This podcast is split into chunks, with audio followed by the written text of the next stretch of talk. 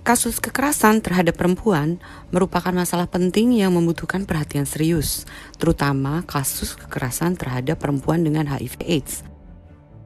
Perempuan posisinya menjadi rentan akibat budaya patriarki di Indonesia. Ketika perempuan tersebut memiliki status positif HIV/AIDS, bukan hanya kekerasan, stigmatisasi, dan tindakan diskriminasi juga kerap menimpa mereka. Di tengah itu semua, hadir petugas penerima pengaduan atau P3 sebagai pintu pertama korban kekerasan membantu mereka untuk bisa lepas dari belenggu kekerasan. Saya Suksma Ratri akan mewawancara petugas-petugas penerima pengaduan kekerasan dari berbagai kota di Indonesia dan mereka akan menceritakan pengalaman-pengalamannya ketika menjalani tugasnya sebagai petugas penerima pengaduan. Inilah podcast Perempuan Berdaya, seri Perempuan Lawan Kekerasan. Trigger warning. Podcast ini bisa mengandung materi atau konten yang sensitif dan berpotensi memicu perubahan emosi pendengar. Dimohon untuk kebijaksanaan dari pendengar. Halo kawan IPI, kembali di podcast Perempuan Berdaya, Perempuan Lawan Kekerasan bersama saya Suksmarati. Nah, di bulan September ini um, saya ditemani oleh seorang petugas penerima pengaduan atau P3 yang uh, kali ini dari Manado, namanya adalah Yudit, Yudit, sorry, Yudit Sahureka. Nah, Sebelumnya saya mau berterima kasih banget nih sama semua pendengar setia yang selalu menantikan episode terbaru dari podcast Perempuan Berdaya. Nah, kita ngobrol-ngobrol sama Yudit ya. Um, Yudit mungkin um, bisa memperkenalkan diri sedikit mungkin. Uh, Oke okay, Mbak, selamat malam semuanya. Selamat malam teman-teman IP yang selalu setia bersama dengerin cerita-cerita di podcast. Uh, malam hari ini perkenalkan saya Yudit Sahureka, saya petugas penerima pengaduan uh, untuk teman-teman PDHA yang ada di Nado Sulawesi Utara. Dan terima kasih kepada tentunya IP yang juga udah memberikan kami kesempatan dari Manado untuk berbagi-berbagi cerita uh, lewat pendampingan terhadap teman-teman yang ada di sini. Terima kasih juga kepada Mbak Sukma, Mbak Sukma udah memberikan kepercayaan kepada saya. Terima kasih, mungkin itu aja. iya, makasih loh Yudit sudah mau meluangkan waktu nih buat ngobrol-ngobrol sama uh, IPI. Nah, mungkin uh, saya pengen tahu aja nih sejak kapan dan kenapa Yudit memutuskan untuk jadi petugas penerima pengaduan? Uh, kalau ditanya mulainya kapan, mungkin jadi petugas penerima pengaduan itu udah setahun lebih. Hmm, oke. Okay. Terus kalau ditanya kenapa ikut ambil bagian dalam uh, menjadi petugas penerima pengaduan karena uh, mungkin lebih ke ingin tuh teman-teman yang PDH-nya itu tuh mendapatkan hak yang sama gitu. Karena okay. kalau kita melihat kilas baliknya ya, rata-rata, mm -hmm. bukan rata-rata sih Mbak, apalagi yang ada di Manado itu eh, teman-teman PDH itu nggak mendapatkan haknya sebagai warga Indonesia sama sekali. Itu haknya itu sering kali oh, gitu? diabaikan bahkan dilupakan. Iya. Oh my God. Terus uh, kira-kira tuh uh, kejadian atau kasus apa yang pernah ditangani oleh Yudit misalnya yang yang mewakili uh, deskripsi yang barusan Yudit kasih tahu? Kalau kejadiannya sih uh, sebenarnya banyak kejadian mm -hmm. atau kasus yang ada di Nado terhadap teman-teman PDHA. Tapi itu hanya sebagai sesi curhat yang udah hmm. Yudit laporin ke Seknas itu tahun lalu ada tiga kasus dan tahun hmm. ini ada satu dan itu emang benar-benar uh, minta izin dulu ke teman-temannya teman-teman PDHA gitu uh, mm-hmm. boleh nggak misalnya oh ya kak nggak apa-apa nah kalau yang sesi lainnya itu emang sebelum Yudit menjadi petugas penerima pengaduan itu emang udah ada rata-rata karena uh, sebagai selain petugas penerima pengaduan, Yudit juga uh, pendamping sebaya untuk teman-teman Koda yang ada di sini. Jadi kita tuh uh, sering ketemu, jadi bisa bisa lihat kan perubahan dari teman-teman PDH-nya ini. Tuh kenapa kok hmm. sekarang uh, perubahannya dari tiap kali akses obat, pelayanan gitu, terus yang bulan kemarin keadaannya begini, terus kenapa sekarang begini. Jadi kayak ada perbedaan. Tapi uh, kita juga nggak bisa masuk tanpa hmm. diizinkan ibaratnya gitu ya Mbak ya betul, kita nggak mungkin betul. masuk ke rumahnya orang kalau kita nggak diizinin masuk ya jadi hanya sekedar say hello nah itu gimana kabarnya? Kok sekarang agak kurusan ya? Kenapa ini agak lemes? Kayak gitu. Kita kan udah bisa lihat ya Mbak ya eh, perubahan hmm. dari fisik wajah yeah. seseorang itu yang kalau memang dia tuh lagi lagi nyimpan sesuatu atau lagi lagi kena sesuatu apa pun itu kita bisa bisa lihat. Apalagi kalau kita udah udah kayak ada uh, keterlibatan emosional ya sama orang iya. tersebut uh-uh. betul betul nah ada berapa orang nih kira-kira yang saat ini didampingi sama Yudit di daerah ya di Manado dan Sulawesi Utara kalau kita ikut dari catatan ya Mbak ya catatan yang udah mm-hmm. ada itu uh, pendampingannya itu ada sekitaran 250 teman-teman tapi kalau Wah, banyak juga ini ya kalau lebih di spesifik lagi khusus untuk teman-teman yang PDHA yang untuk perempuan dan anak mungkin itu hanya sekitar seratusan lebih karena oh. lebih banyak di laki-laki ya oh oke okay. Berarti ada sekitar 100 perempuan yang hidup dengan HIV dan AIDS yang uh, ya. didampingi. Oke. Okay. Nah, tadi kan Yudit bilang ya selain jadi P3 itu juga jadi pendamping sebaya. Ini uh, mendampingi ibu hamil juga nggak ya? Yang uh, ibu ibu hamil yang positif maksud aku? Iya, mendampingi hmm. juga karena itu juga termasuk dalam pendampingan itu mencakup semuanya kan mbak selain uh, perempuan apakah dia ibu rumah tangga uh, terus yang sedang hamil atau merencanakan kehamilan ataupun hmm. sedang dalam proses untuk KB misalnya itu tetap didampingi kita tanya kebutuhannya mau maunya apa gitu Hmm. Nah, kok eh, apa namanya eh, bukan bukan kok mau sih kayaknya kalau kok mau kok eh, aneh gitu ya. Jadi eh, repot nggak sih gitu loh eh, Yudit sudah mendampingi jadi pendamping sebaya, kemudian sekarang jadi P3 juga gitu. Kalau nanya repot ya namanya manusia ya Mbak ya. Kita pasti mm -hmm. normal ya kan. Repot, capek. Lelah. Sibuk banget kayak... gitu. Saya tuh kepikirannya pasti sibuk banget gitu Yudit sehari-hari gitu loh. Karena jadi pendamping sebaya itu sudah cukup uh, cukup ini ya maksudnya cukup banyak gitu pekerjaannya. Kemudian ditambah lagi menjadi P3 gitu. Nggak bayang ceritain coba Yudit. Uh, kalau segi dari manusia fisiknya itu capek juga mbak, uh, kita nggak hmm. bisa bohong. Capek karena jujur kayak kita dijadiin kayak tempat sampah gitu ya uh, yeah. masalah apa pun itu ditampunginnya ke kita gitu. Terus kalau kita punya masalah, kita tuh nggak bisa nunjukin kalau kita tuh punya hmm. masalah hmm. gitu ya kan. Yeah. Gimana kita mau ngedampingin teman-teman PDHA yang yang lagi ada masalah kalau kitanya tuh nggak bisa fokus ke mereka betul, ya kan kayaknya betul. jadi jadi nggak nggak baik nggak bagus lah untuk mereka kayak gitu padahal mm -hmm. uh, untuk teman-teman yang PDHA menceritakan yang terjadi kepada mereka itu udah bagi Yudi tuh udah udah udah luar biasa dan udah terima kasih banget. Berarti hmm. mereka tuh udah udah percaya banget ke Yudi gitu. Karena nggak gampang, nggak gampang iya. untuk seorang perempuan, Mbak, apalagi hmm. yang PDHA, dia itu bisa menceritakan apa yang terjadi di kehidupannya itu ke orang lain.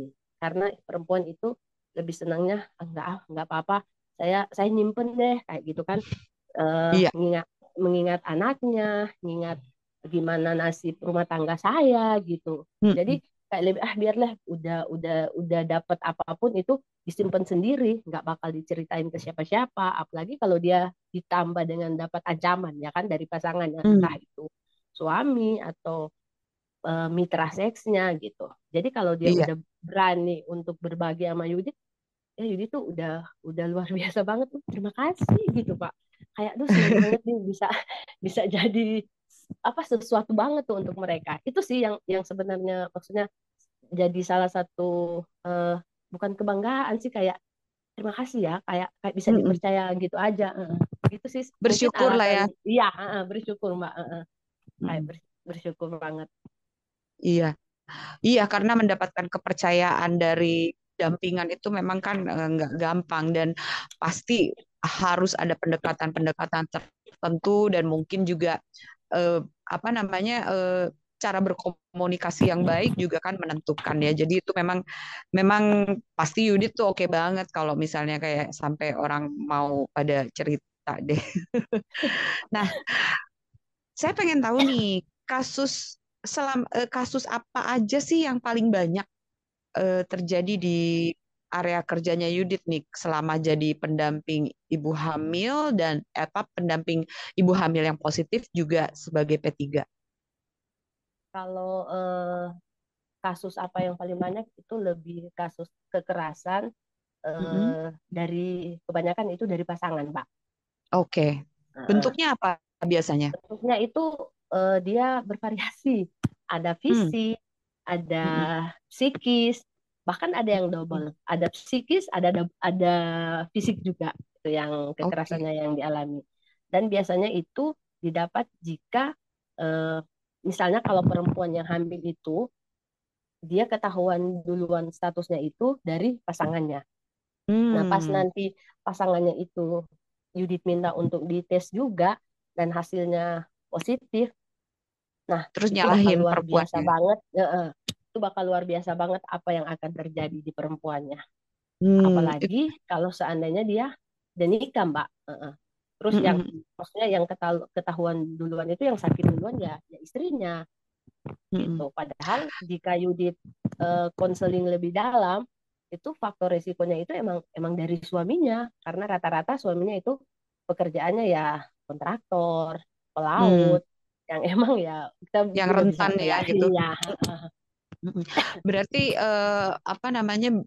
Ini kan biasanya kalau perempuan yang hamil kan eh, dirujuk untuk VCT ya, makanya bisa bisa kadang-kadang eh, bukan kadang-kadang sering kali kejadiannya adalah yang tahu status duluan adalah si istri. Begitu kan ya Yudit ya, makanya terus kemudian Iya, jadi. Heeh. jadi menimbulkan prahara tersendiri gitu.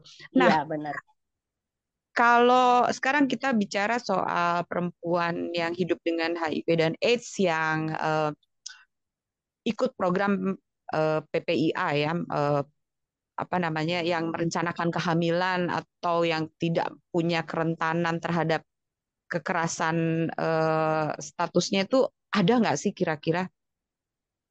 Jadi perempuan yang hamil, perempuan yang hidup dengan HIV dan AIDS, eh, kalau dia merencanakan kehamilan, ikut program PPIA, em, em, dia punya kerentanan terhadap kekerasan nggak atas statusnya?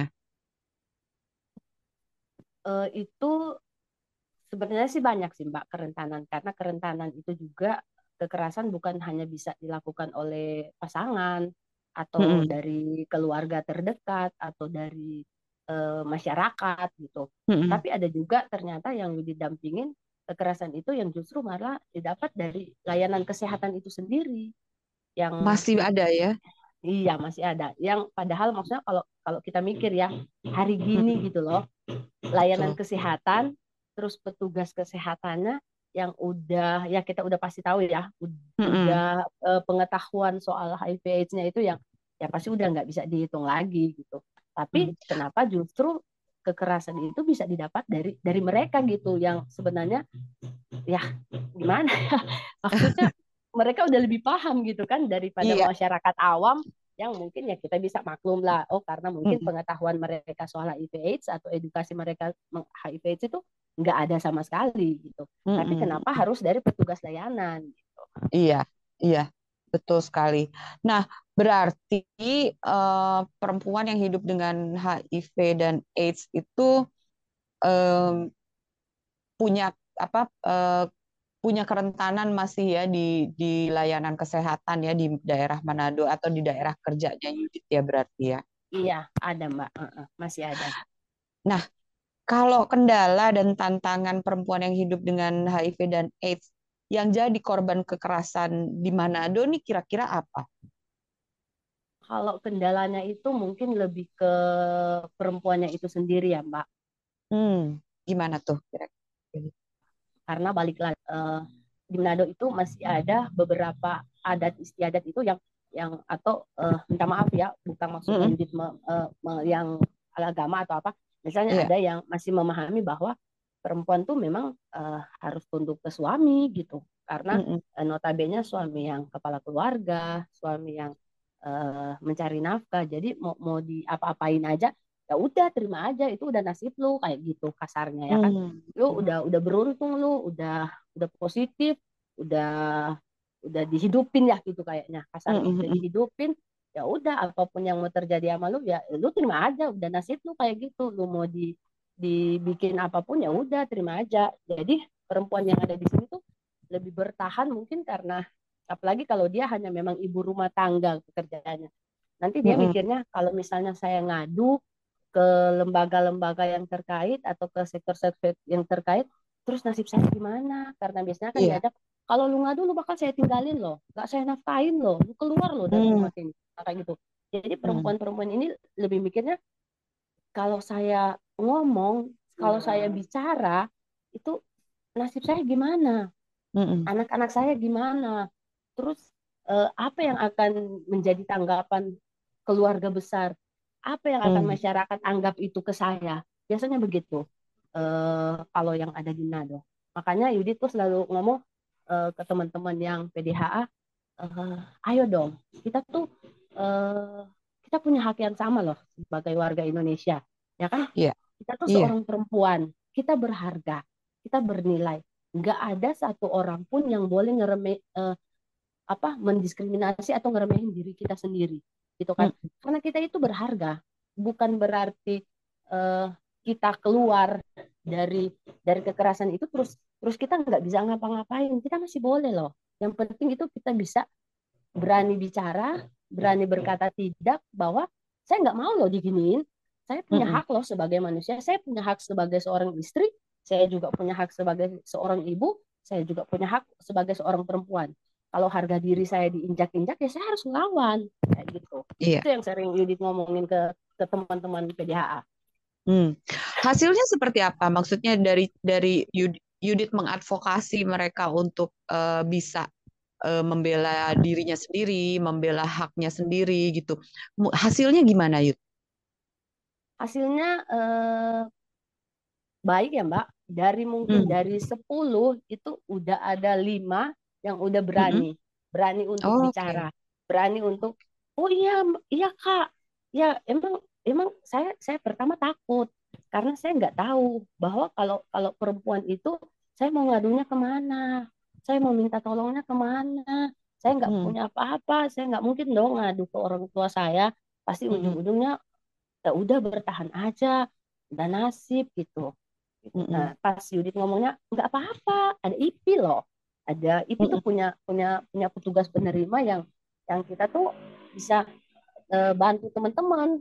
Kita lihat mm -hmm. dulu uh, ceritanya. Kalau teman-teman percaya ke saya untuk berbagi apa pun yang terjadi dengan teman-teman saya bisa bantu. Saya akan uh, men-assessment apa sih yang menjadi kebutuhannya teman-teman sesuai dengan yang terjadi ya mbak ya.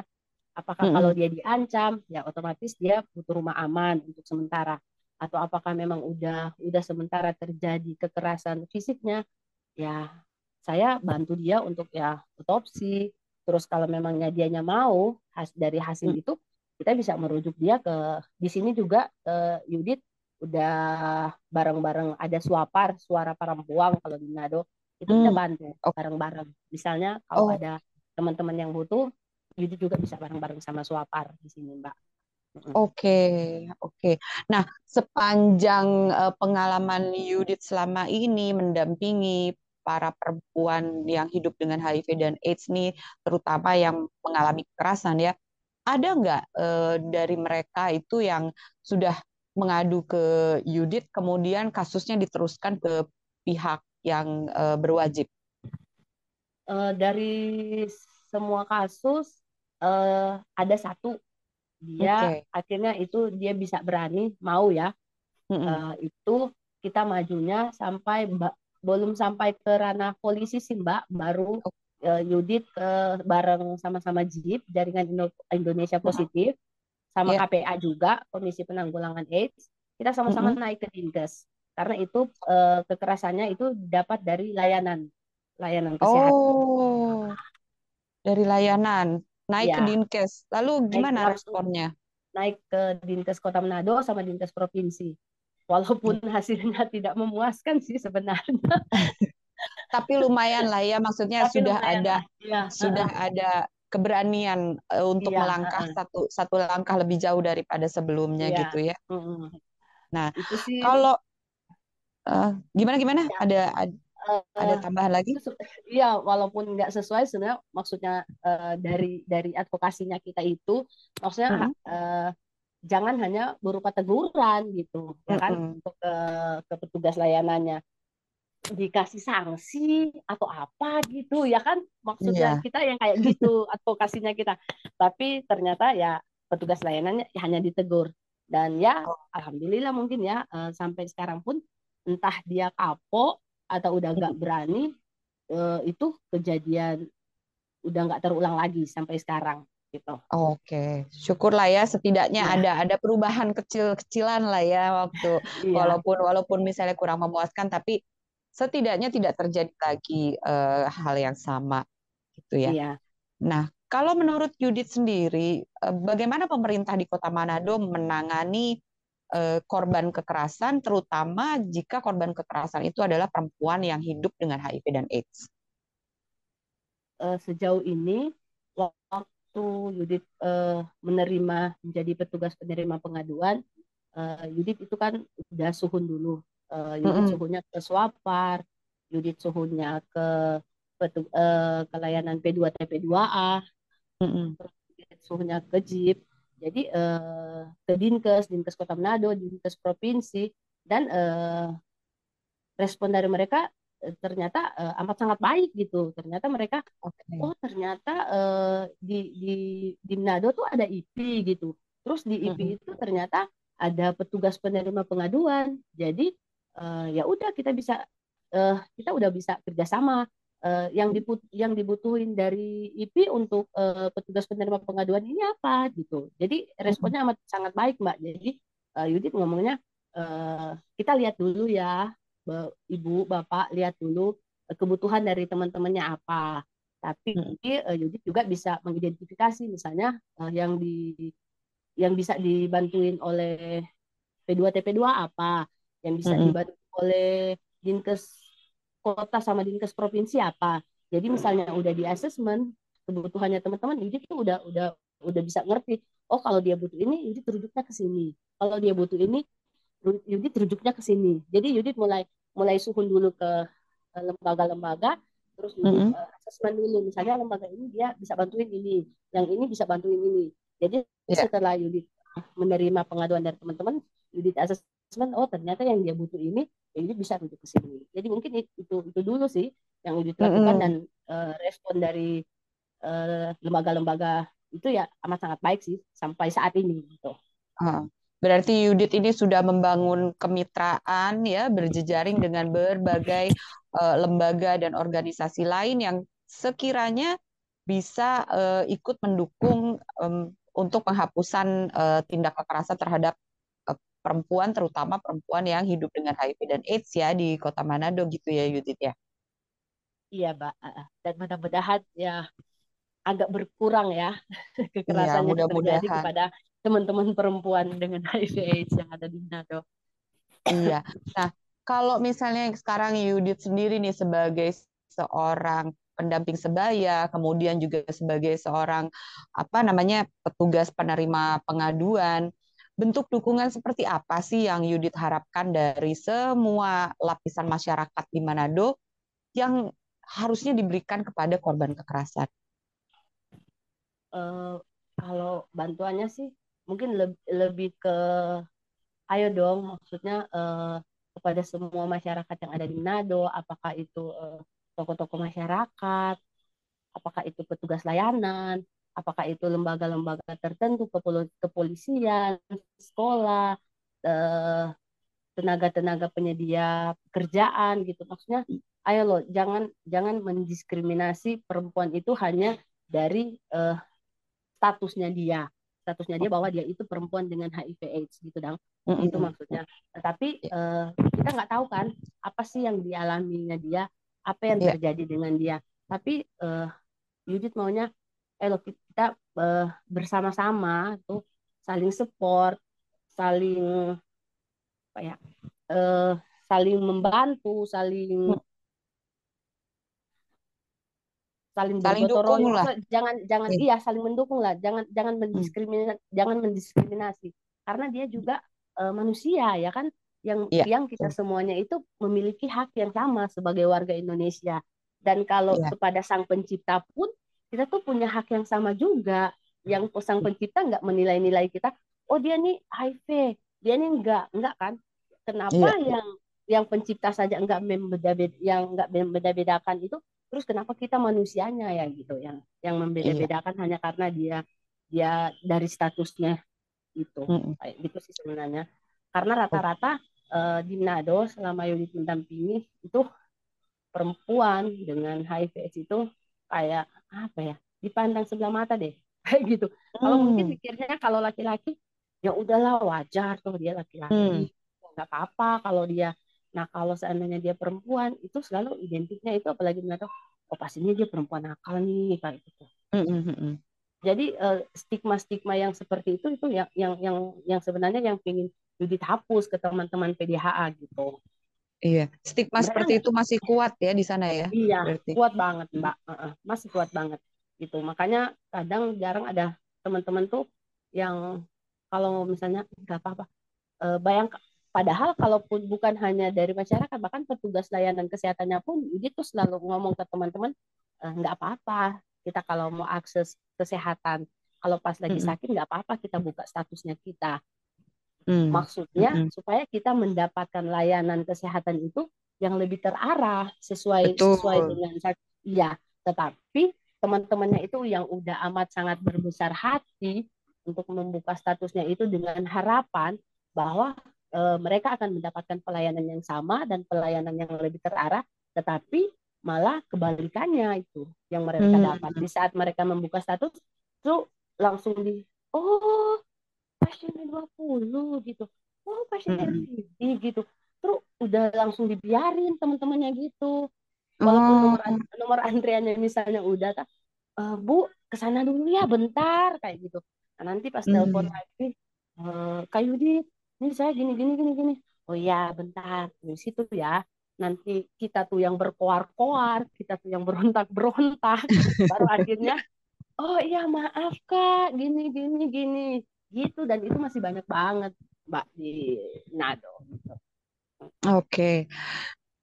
Sebenarnya miris ya karena ini udah tahun 2023 gitu ya. Iya, Maksudnya saya saya tuh mikirnya gini, kalau ini masih tahun-tahun 2001, 2005, mungkin masih bisa dimaklumi ya, tapi ini udah tahun 2023 ternyata masih terjadi hal-hal seperti itu di di banyak daerah loh di Indonesia gitu. Nah, sekarang gini, kalau ada pendengar nih yang mendengarkan podcast kita hari ini kemudian merasa atau mendapat perlakuan eh, kekerasan di lingkungannya di daerah eh, Manado atau Sulawesi Utara, ini kira-kira bisa melapor ke mana, Yudit? uh, kalau ini juga udah udah uh, sama teman-teman PS ya teman-teman pendamping mm sebaya yang ada di Nado uh, mm apakah itu masih di luar jangkauan Nado Sulawesi Utara? Entah dia mm di itu entah dia di Tomohon entah mm dia di Minahasa Utara dan di Nado sendiri. Itu selalu ngomong ke teman-teman PS bahwa nggak uh, apa-apa teman-teman PS-nya itu uh, menerima misalnya ada dampingannya itu yang mendapatkan kekerasan. Mm-hmm. Itu nanti teman-teman nerima dulu, terus nanti teman-teman bisa hubungi Yudit sebagai petugas penerima pengaduan dari IPI. Karena uh, kalau IPI memang lebih dikhususkan ke perempuan dan anak ya kan Mbak. Betul. Jadi, iya. uh, kerjasama minta tolong ke teman-teman pendamping bahwa nggak apa-apa, nerima dulu, ntar uh, baru uh, hubungi Yudit, nanti Yudit bisa bisa untuk uh, membantu teman-teman perempuan yang ada hmm. di wilayah yang masih bisa Yudit jangkau kayak gitu. Oke. Berarti dibantu oleh para pendamping sebaya yang tersebar di area Manado dan Sulawesi Utara. Itu siapa pun yang kalau ada yang mendengar atau mendapatkan perlakuan kekerasan, terutama jika perempuan yang hidup dengan HIV dan AIDS bisa langsung menghubungi petugas uh, bukan petugas pendamping sebaya yang ada di daerahnya lalu nanti akan uh, di ini ya di, di dikonfirmasi ke Yudit langsung gitu ya untuk tindak lanjutnya. Oke, aduh keren banget nih Yudit nih. Kebayang sama saya, kamu sibuk banget tiap hari pasti. pasti itu handphonenya hotline ya, 24 jam sehari, 7 hari seminggu. Iya. nah, hotline sih Mbak, tapi udah ngomong ya. ke teman-teman uh, kalau seandainya respon saya agak agak lambat, minta maaf ya, bukan berarti saya saya nggak nggak bisa nerima atau apa. Mungkin itu uh, kuotanya habis satu atau HP-nya uh, eh, baterainya habis atau yeah. mungkin juga uh, kalau misalnya dia jam kerja ya ini misalnya sementara konseling ya. Jadi nggak yeah. mungkin juga uh, sementara konseling terus jadi lagi sibuk dengan HP gitu nggak enak juga ke teman-teman iya. uh, dampingan yang sementara didampingi sama Yudit gitu. Alasannya sih selalu itu tapi selama Yudit masih bisa ya pasti bisa akan dibantu gitu. Iya. Nah ini ada satu pertanyaan terakhir nih. Setelah jadi P3 nih Yudit apa yang bisa Yudit petik dari pengalaman-pengalaman yang sudah dilalui uh, yang bisa Yudit dapat itu bahwa uh, ternyata miris banget ya teman-teman uh, perempuan dengan HIV yang ada. Nggak usah lihat uh, daerah lainnya ya daerahnya Yudit sendiri dulu. Miris uh, teman-teman PDHA yang ada di Manado. Karena hak-hak mereka sebagai seorang perempuan itu sering diabaikan bahkan dilupakan apakah itu dari suaminya keluarganya, bahkan negara pun lupa akan haknya hmm. mereka hmm. gitu. Dan uh, lebih mirisnya lagi, tuh masih ada teman-teman PDH itu yang oh, udahlah nggak apa-apa gitu, hmm. uh, udah nasib saya gitu. Saya mau di mau dibikin apa pun ya saya pasrah-pasrah aja, saya nerima aja karena itu udah nasib saya yang kata-kata seperti itu tuh yang yang yang sebenarnya ingin dihapus tuh dari yeah. dari pikirannya mereka gitu. Iya. Yeah. pingin banget tuh. Enggak enggak enggak enggak, enggak, enggak boleh tuh mikir kayak gitu. Karena uh, kita tuh berharga gitu. Itu selalu ngomong ke mereka, "Hal hello, kita tuh berharga loh. Kita tuh perempuan bernilai. Jangan mau dong harga diri kita diinjak-injak gitu. Ayo berani berani bersuara, berani berkata tidak gitu uh, tubuh kita itu tuh tuh milik kita, haknya kita. Iya. Yeah. Itu uh, kalau yang dari ceritanya Yudit tadi yang saya uh, bisa tarik sedikit kesimpulan itu berarti banyak perempuan yang hidup dengan HIV dan AIDS yang mengalami kekerasan itu diamnya mereka itu adalah cara mereka untuk bertahan hidup mungkin ya Yudit ya. Iya Mbak, uh -uh. karena ya. uh, apalagi mereka jika udah mempunyai anak lah ya mereka tuh selalu mikirnya kalau seandainya saya berani ya kayak sama kayak yang ngomong tadi kalau seandainya dia berani bersuara terus lalu biasanya mereka itu diancam. Kalau hmm. kalau lu ngomong lu buka suara lu ngadu ke siapa pun lu bakal gua tinggalin loh. Atau hmm. enggak apa yang apa yang lu ngalamin ini tuh bakal bakal dua kali lipat ganda yang bakal lu rasain kalau seandainya lu berani ngomong. Biasanya gitu hmm kata-kata yeah, mereka. Yeah. Dan itu mungkin yang yang menjadi kayak ketakutannya mereka sendiri gitu. Iya, betul. Iya, makanya kemudian mereka memilih untuk diam karena ya namanya perempuan ya semua dipikirin ya anak dipikirin iya. keluarga dipikirin ya kan macam-macam iya. yang jadi bahan pikiran akhirnya sering kali mengorbankan diri sendiri dan keselamatannya sendiri itu banyak kejadian memang nah Yudit, terima kasih banyak. Ini kita rupanya sudah sudah selesai nih ngobrol-ngobrolnya, sudah 30 menit ditemani sama Yudit. Terima kasih banyak sudah meluangkan waktu untuk uh, jadi narasumber di podcast Perempuan Berdaya, Perempuan Lawan Kekerasan hari ini. Nah, mudah-mudahan nih ya uh, Yudit tetap semangat, kemudian juga apa namanya uh, tetap termotivasi untuk untuk uh, mendampingi kawan-kawan perempuan uh, yang hidup dengan HIV dan AIDS uh, di Manado dan Sulawesi Utara. Selamat malam untuk kawan IP semuanya. Uh, kita uh, kita pamit dulu. Saya Suksma Ratri, host dari podcast Perempuan Berdaya, Perempuan Lawan Kekerasan, yang ditemani oleh Yudit Sahureka malam ini undur diri. Mohon maaf jika ada kekurangan dan kata-kata yang kurang enak dan semangat untuk semua yang mendengarkan di luar sana, terutama untuk kawan-kawan yang perempuan yang hidup dengan HIV dan AIDS. Sampai jumpa di podcast Perempuan Berdaya, Perempuan Lawan Kekerasan berikutnya. Bye-bye.